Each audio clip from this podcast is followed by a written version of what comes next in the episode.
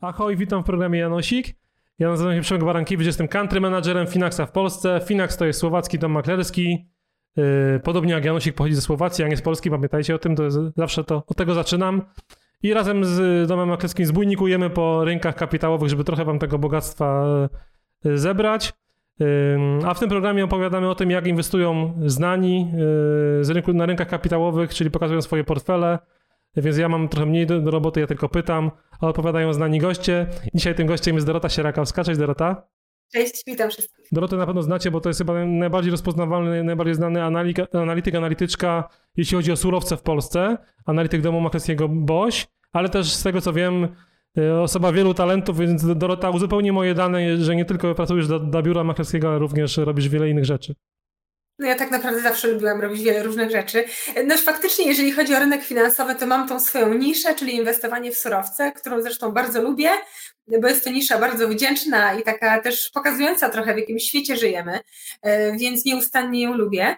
No a poza tym, co, co robię poza tym? Poza tym no, czasem piszę książki na przykład, czyli napisałam książkę i po polsku Świat surowców i też książkę anglojęzyczną, e, która jest na Amazonie, Commodities Cheat Sheets, e, więc Jestem autorką, można powiedzieć. E, mam również cały czas swoje wydawnictwo, zresztą przez 10 lat wydawałam też magazyn o inwestowaniu, więc e, w tym momencie po prostu już bardziej robię jakiś self-publishing. No i jestem również założycielką największej w sumie chyba w Polsce e, społeczności dziewczyn inwestujących i zainteresowanych w ogóle ogarnianiem swoich finansów i, i swojej kariery, girlsmoneyclub.pl. Więc e, no tak, robię dużo różnych rzeczy i każda z nich mnie cieszy. A to powiedz może na początek, e, czym się różni to, mm, to inwestowanie kobiet od, od, od, inwestowania mężczyzn, czy w ogóle generalnie od, od inwestowania? Są jakieś różnice, czy to my, my, tylko na siłę tak staramy się podzielić na płeć też inwe, świat inwestorski? W ogóle zaczęłabym od tego, że tych danych dotyczących inwestowania kobiet i mężczyzn nie ma aż tak dużo, jeżeli chodzi o podział na płeć. Zwłaszcza w Polsce. My w Polsce tak naprawdę mamy tylko szczątkowe dane dotyczące tego, e, ile jest na przykład kobiet inwestorek. To są dane oczywiście z ogólnopolskiego badania inwestorów, które robi SEI. Natomiast na świecie trochę tych danych jest. One ogólnie pokazują e, trochę inny obraz inwestowania kobiet i myślę, że ja też pracując już z dziewczynami no, praktycznie od roku e, też dostrzegam e, inne podejście do inwestowania niż wśród też no, wielu mężczyzn, których przecież e, też znam ze świata finansowego. Przede wszystkim jest to nieco większa ostrożność, nieco mniejsza tendencja do tego, żeby, żeby dokonywać wielu transakcji, czyli po prostu rzadsze też obracanie tym swoim kapitałem. Długoterminowe podejście, czyli też raczej budowanie takiego solidnego portfela inwestycyjnego, zamiast poszukiwania takich e, szybkich inwestycyjnych okazji. Oczywiście ja tutaj nie chcę też e, wprowadzać do tych rozważań stereotypów, bo tak naprawdę e, każda kobieta jest inna i zarówno w grupie, jak i też wśród moich znajomych ja widzę kobiety, które no, są spekulantkami wręcz aktywnymi i one jakby się lubują w tym, że znajdują te swoje inwestycyjne okazje, Natomiast jest spora część kobiet, która y, naprawdę upodobała sobie inwestowanie pasywne. Y, I tak naprawdę zależy im przede wszystkim na tym, żeby móc inwestować i czuć, że ich pieniądze pracują, ale jednocześnie y, nie żyć w takim i większym stresie, i w takim poczuciu, że powinny na to przeznaczać więcej czasu. No bo jak wiemy, inwestowanie pasywne już nie wymaga takiego zaangażowania czasowego, jak faktycznie inwestowanie aktywne i szukanie tych okazji rynkowych no to lejesz miód na nasze finansowe uszy, ale do tego pytania o pasywne versus aktywne jeszcze wrócimy. A zacznijmy od tego, jak w ogóle się na tym rynku kapitałowym znalazłaś? Co cię tak pociągnęło? Na jakim etapie życia? W zasadzie ja gdzieś w okolicach gimnazjum już wiedziałam, że chcę iść e, na SGH. Po prostu jakoś studia finansowe wydawały mi się najciekawszą opcją, dlatego że moim zdaniem, e, jeszcze wtedy dość naiwnym, no bo powiedzmy sobie szczerze, jakby ile o świecie wie osoba, która jest w gimnazjum albo w liceum, tak naprawdę dopiero wtedy się obserwuje trochę częściowo ten rynek pracy. I to też taki rynek pracy na podstawie tego, co inni już gdzieś tam przeżyli a nie, nie potrafimy patrzeć w przyszłość. No w każdym razie ja wiedziałam, że że chciałam mieć wiedzę finansową, czyli chciałam po prostu mieć taką świadomość, że radzę sobie ze swoimi pieniędzmi, że właśnie nie jestem bezbronna w tym zakresie życia, w tym obszarze życia, no bo też stwierdziłam, że tak naprawdę mm, zawsze byłam też osobą, która bardzo lubi która ma wiele różnych pasji, czyli po prostu lubi odkrywać nowe rzeczy, lubi czytać e, nowe rzeczy, lubi próbować też nowych rzeczy w życiu, więc mm, tak naprawdę finanse e, i ogarnianie finansów to był zawsze dla mnie taki taki moment wstępu, taki punkt po prostu wyjściowy dla prowadzenia fajnego życia, w którym paradoksalnie wcale nie chodzi tylko o pieniądze.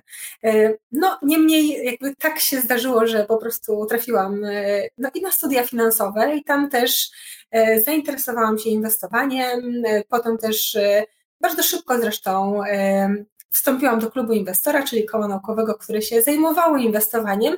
No i wtedy już przepadłam, dlatego że po prostu różnorodność tego rynku inwestycyjnego mnie tak pochłonęła, że do dzisiaj tam jestem i uważam, że cały czas jest to bardzo w ogóle ciekawy obszar, w którym się można rozwijać na wiele różnych sposobów i można znaleźć naprawdę wiele świetnych dróg dla siebie. No to dawaj teraz, czego byś miała emeryturę, skoro masz taką wiedzę teoretyczną, podstawy ze studiów, to z czego byś miała tę emeryturę? No ja uważam, że z wielu różnych źródeł, dlatego że ja w ogóle wyznaję taką zasadę, że y, najlepiej mieć w życiu kilka różnych źródeł przychodów, bo to właśnie tworzy taką dywersyfikację i sprawia, że jesteśmy bardziej spokojni, że nawet jak to jedno źródełko nam wyschnie, no to wtedy jeszcze mamy całą resztę tych źródełek, y, za pomocą których możemy faktycznie te przychody zbierać, więc ja w zasadzie, no pewnie jak wielu finansistów, czy wiele osób, które y, no, obserwują też sytuację gdzieś tam na świecie, nie liczę za bardzo na to, że, że dostanę jakąś sowitą emeryturę, bo to po prostu się nie spina. Natomiast, natomiast liczę w dużej mierze na siebie, na swoje możliwości i właśnie na to, że, że po pierwsze, jakby już teraz buduję sobie gdzieś swoje oszczędności, swoje inwestycje, no i liczę na to, że ten kapitał po prostu będzie na mnie prasować w późniejszych latach, więc no właśnie, więc, e, więc mhm. liczę na to, że kilka źródeł przychodów, no i przede wszystkim inwestowanie tych swoich oszczędności, to jest dla mnie słowo klucz. To o inwestowaniu jeszcze pomówimy, ale masz taką poduszkę, poduszkę finansową, taką rezerwę, wiesz, e, jeśli tak, to ile, mniej więcej ile ona wynosi y, krotności pewnie wydatków, bo wszyscy o, o, tym mówią. I w czym, w czym ją lokujesz? W czym, w czym ją trzymasz? Oczywiście, że taką poduszkę mam. Y, zresztą od niej tak naprawdę gdzieś tam się zawsze zaczynam. Nawet mimo faktu, że jakby na rynkach finansowych aż kusi zawsze, żeby gdzieś tam w te mhm. ryzykowniejsze rzeczy czasem wkładać pieniądze.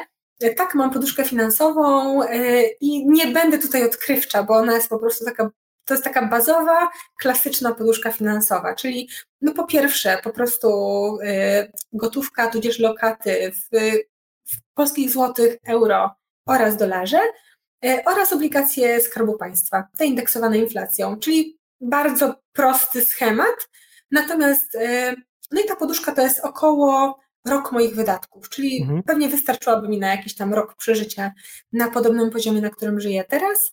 Natomiast e, cała reszta to są oczywiście już inwestycje. No to dobra, to teraz te inwestycje to jest e, lokalnie czy globalnie raczej? W dużej mierze globalnie, znaczy można powiedzieć, że tu i tu, e, dlatego że na polskim rynku też jest wiele ciekawych możliwości. Natomiast no, ja też ze względu trochę na moje zainteresowania i na moją specjalizację, jednak patrzę globalnie na rynek, bo w ogóle rynki surowcowe to są takie rynki, które z zasady w zasadzie są rynkami globalnymi, na które się patrzy w ujęciu takim bardzo, bardzo szerokim. Więc no po pierwsze, myślę, że e, inwestuje na rynkach surowcowych nieco większy udział pieniędzy niż e, pewnie część innych inwestorów, dlatego że po prostu to jest moje zainteresowanie, e, moja pasja i taka specjalizacja. A dwa, E, też na przykład te długoterminowe inwestycje no, często przeznaczam po prostu na ETF-y, które dotyczą szerokiego rynku finansowego. E, no i to jest głównie oczywiście wtedy inwestowanie globalne, czyli bardziej patrzę na te światowe indeksy, te najpopularniejsze. Mhm. No to kolejne, kolejne pytanie tradycyjne. Pasywnie czy aktywnie? Trochę o tym właśnie już mówiłaś, o tych ETF-ach, ale, ale też skoro surowce, to, to chyba też aktywnie trochę, nie? Też aktywnie, jak najbardziej. Znaczy, ja w ogóle uważam, że y, no przynajmniej ja mam takie podejście, że ja lubię w ogóle mieć y, zdywersyfikowane w ogóle wszystko. Y, bo to mi daje dużo takiego spokoju y, w życiu, więc zarówno właśnie i te przychody, o których mówiłam wcześniej, lubię mieć zdywersyfikowane, jak i właśnie to, w jaki sposób inwestuję pieniądze. Czyli no właśnie jest ta poduszka finansowa, która jest bardzo stabilna, to jest poduszka bezpieczeństwa wręcz.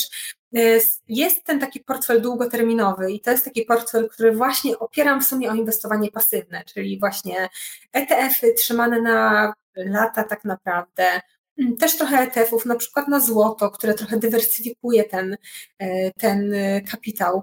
Więc tak naprawdę te pasywne inwestycje dotyczą przede wszystkim takiego długoterminowego inwestowania, gdzie część tego kapitału e, po prostu sobie leży i pracuje i też nie mam zamiaru za bardzo z tym kapitałem szaleć. Natomiast no, ja nie byłabym sobą, gdybym aktywnie też nie inwestowała, więc inwestuję też trochę na rynkach akcji, już bezpośrednio, e, oczywiście na rynkach surowcowych, już nie tylko wtedy przez ETF-y, chociaż też przez ETF-y inwestuję aktywnie. Czyli też jakby zdarzają mi się takie zdarzają, no, nawet często bywają takie transakcje, które są z zasady na przykład na, na co najwyżej kilka tygodni albo na kilka dni bardziej, więc to już jest inwestowanie aktywne. No i oczywiście też e, CFD na surowce, czyli też e, faktycznie w ten sposób inwestuję na rynkach surowcowych. No, zdarzają mi się oczywiście też kontrakty, na przykład na, na polskie akcje, e, więc oczywiście Mam też taki portfel aktywny, który, no, który jest bardziej też do tego, żeby wykorzystać jak najwięcej tych okazji. Mhm. Jak masz taki szeroki, szeroki wachlarz inwestycji, to, to na pewno no, no nie, nie dało się uniknąć błędu, więc y, to jest moje ulubione pytanie o, to, o taki błąd, którym chciałabyś się podzielić tutaj z czytelnikami, słuchaczami. Ja myślę, że w ogóle jak każdy inwestor, ja mam też swój taki cmentarzyk transakcji, które się nie udały, ale chyba taką najbardziej spektakularną i taką, którą ja osobiście najbardziej pamiętam, też dlatego, że mnie tak najmocniej dotknęła, mm, to była transakcja nieudana, którą zrobiłam jeszcze na samym początku mojej kariery inwestycyjnej, można powiedzieć.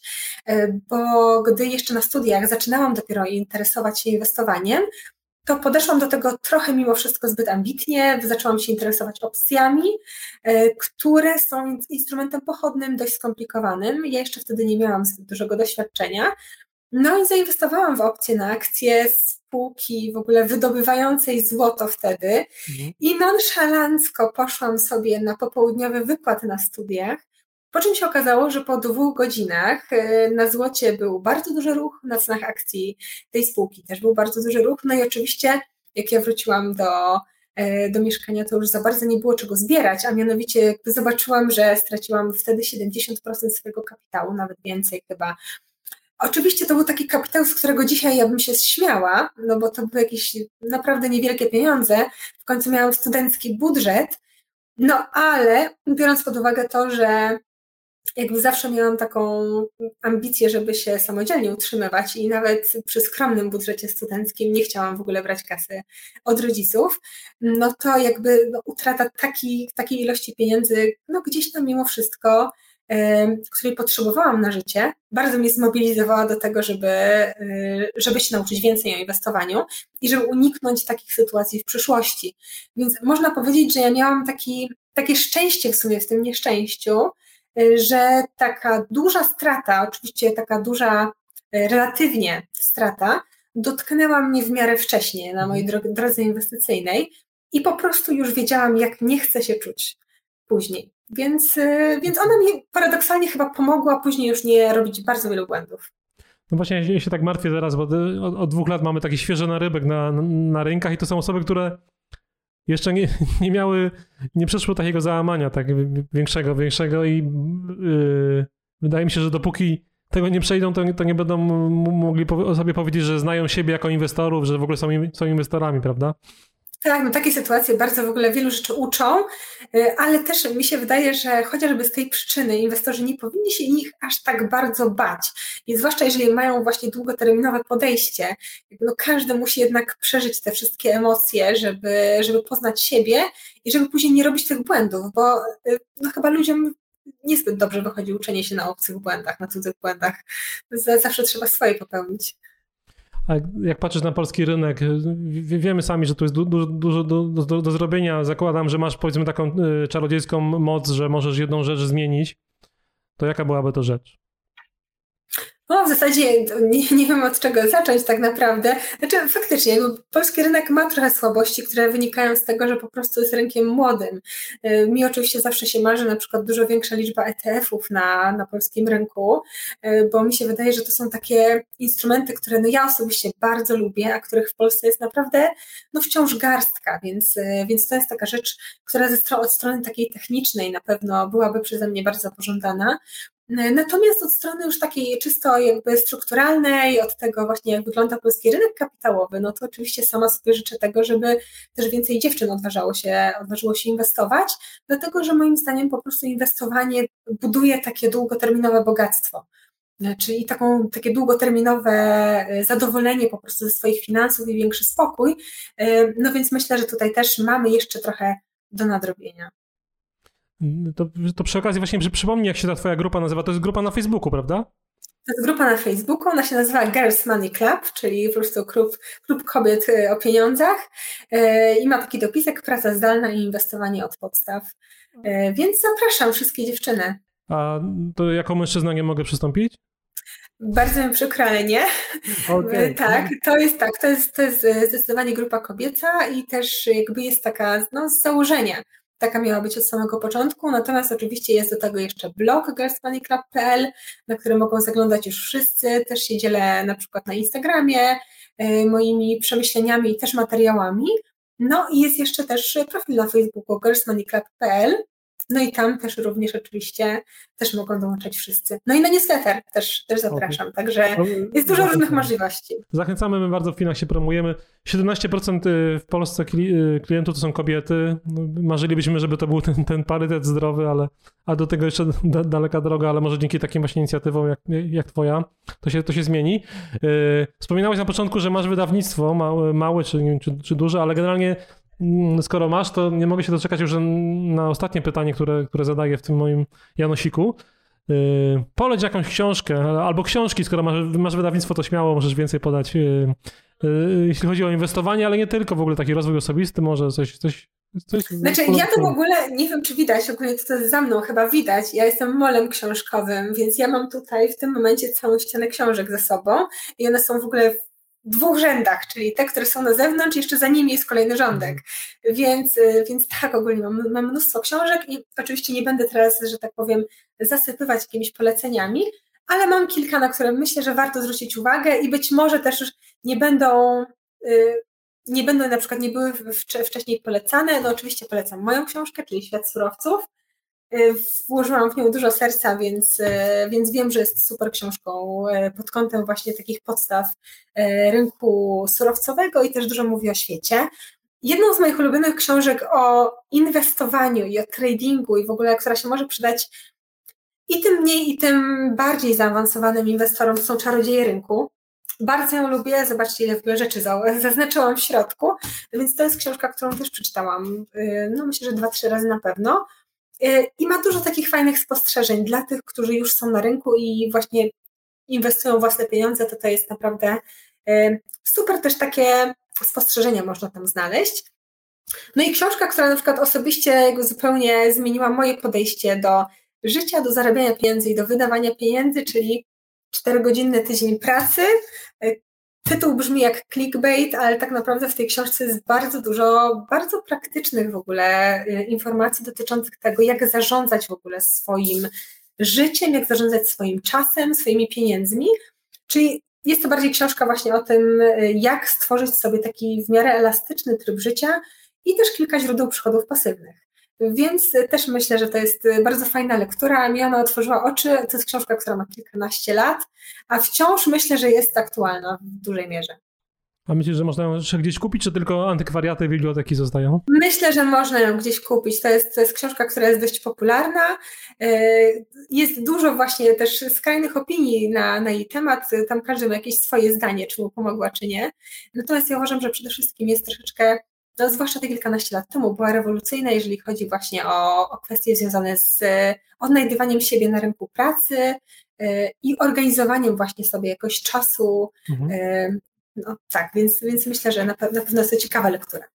To sięgnę, bo w sumie jak pytają w Finaxie na przykład nas, klienci, po co w ogóle ten Finax, po co w ogóle robodoradca, to Ja zawsze mówię, że chyba największą oszczędnością, którą daje Finax, Finax poza jakby oszczędnością pieniędzy, emocji i tak dalej, to jest ta oszczędność czasu, czyli lepiej skup się na, na tym, co potrafisz robić dobrze albo co lubisz robić, nie wiem, hobby, pasje, rodzina no, i tak dalej. Automatyzacja jest właśnie też jedną z, jednym w ogóle no. z tematów, które jest tam poruszany. E, no, to, to wydaje mi się, że założyciel Finaxa to musiał, musiał przeczytać w wersji, wersji oryginalnej, bo ja, ja nie czytałem, więc, więc, więc, więc sięgnę. Dorota, bardzo Ci dziękuję za te, za te cenne uwagi. Zachęcam wszystkie kobiety do wejścia, do dołączenia do grupy. Faceci yy, niech, niech yy, robią swoje, ale im przede wszystkim niech nie będą zbyt pewni siebie, bo ta zbytnia pewność siebie, która cechuje właśnie facetów, ja to akurat wiem od strony też tego, co deklarują na przykład w, w formularzach przy, przy tym, jak zostają klientami Finax, to są bardzo, bardzo pewni siebie.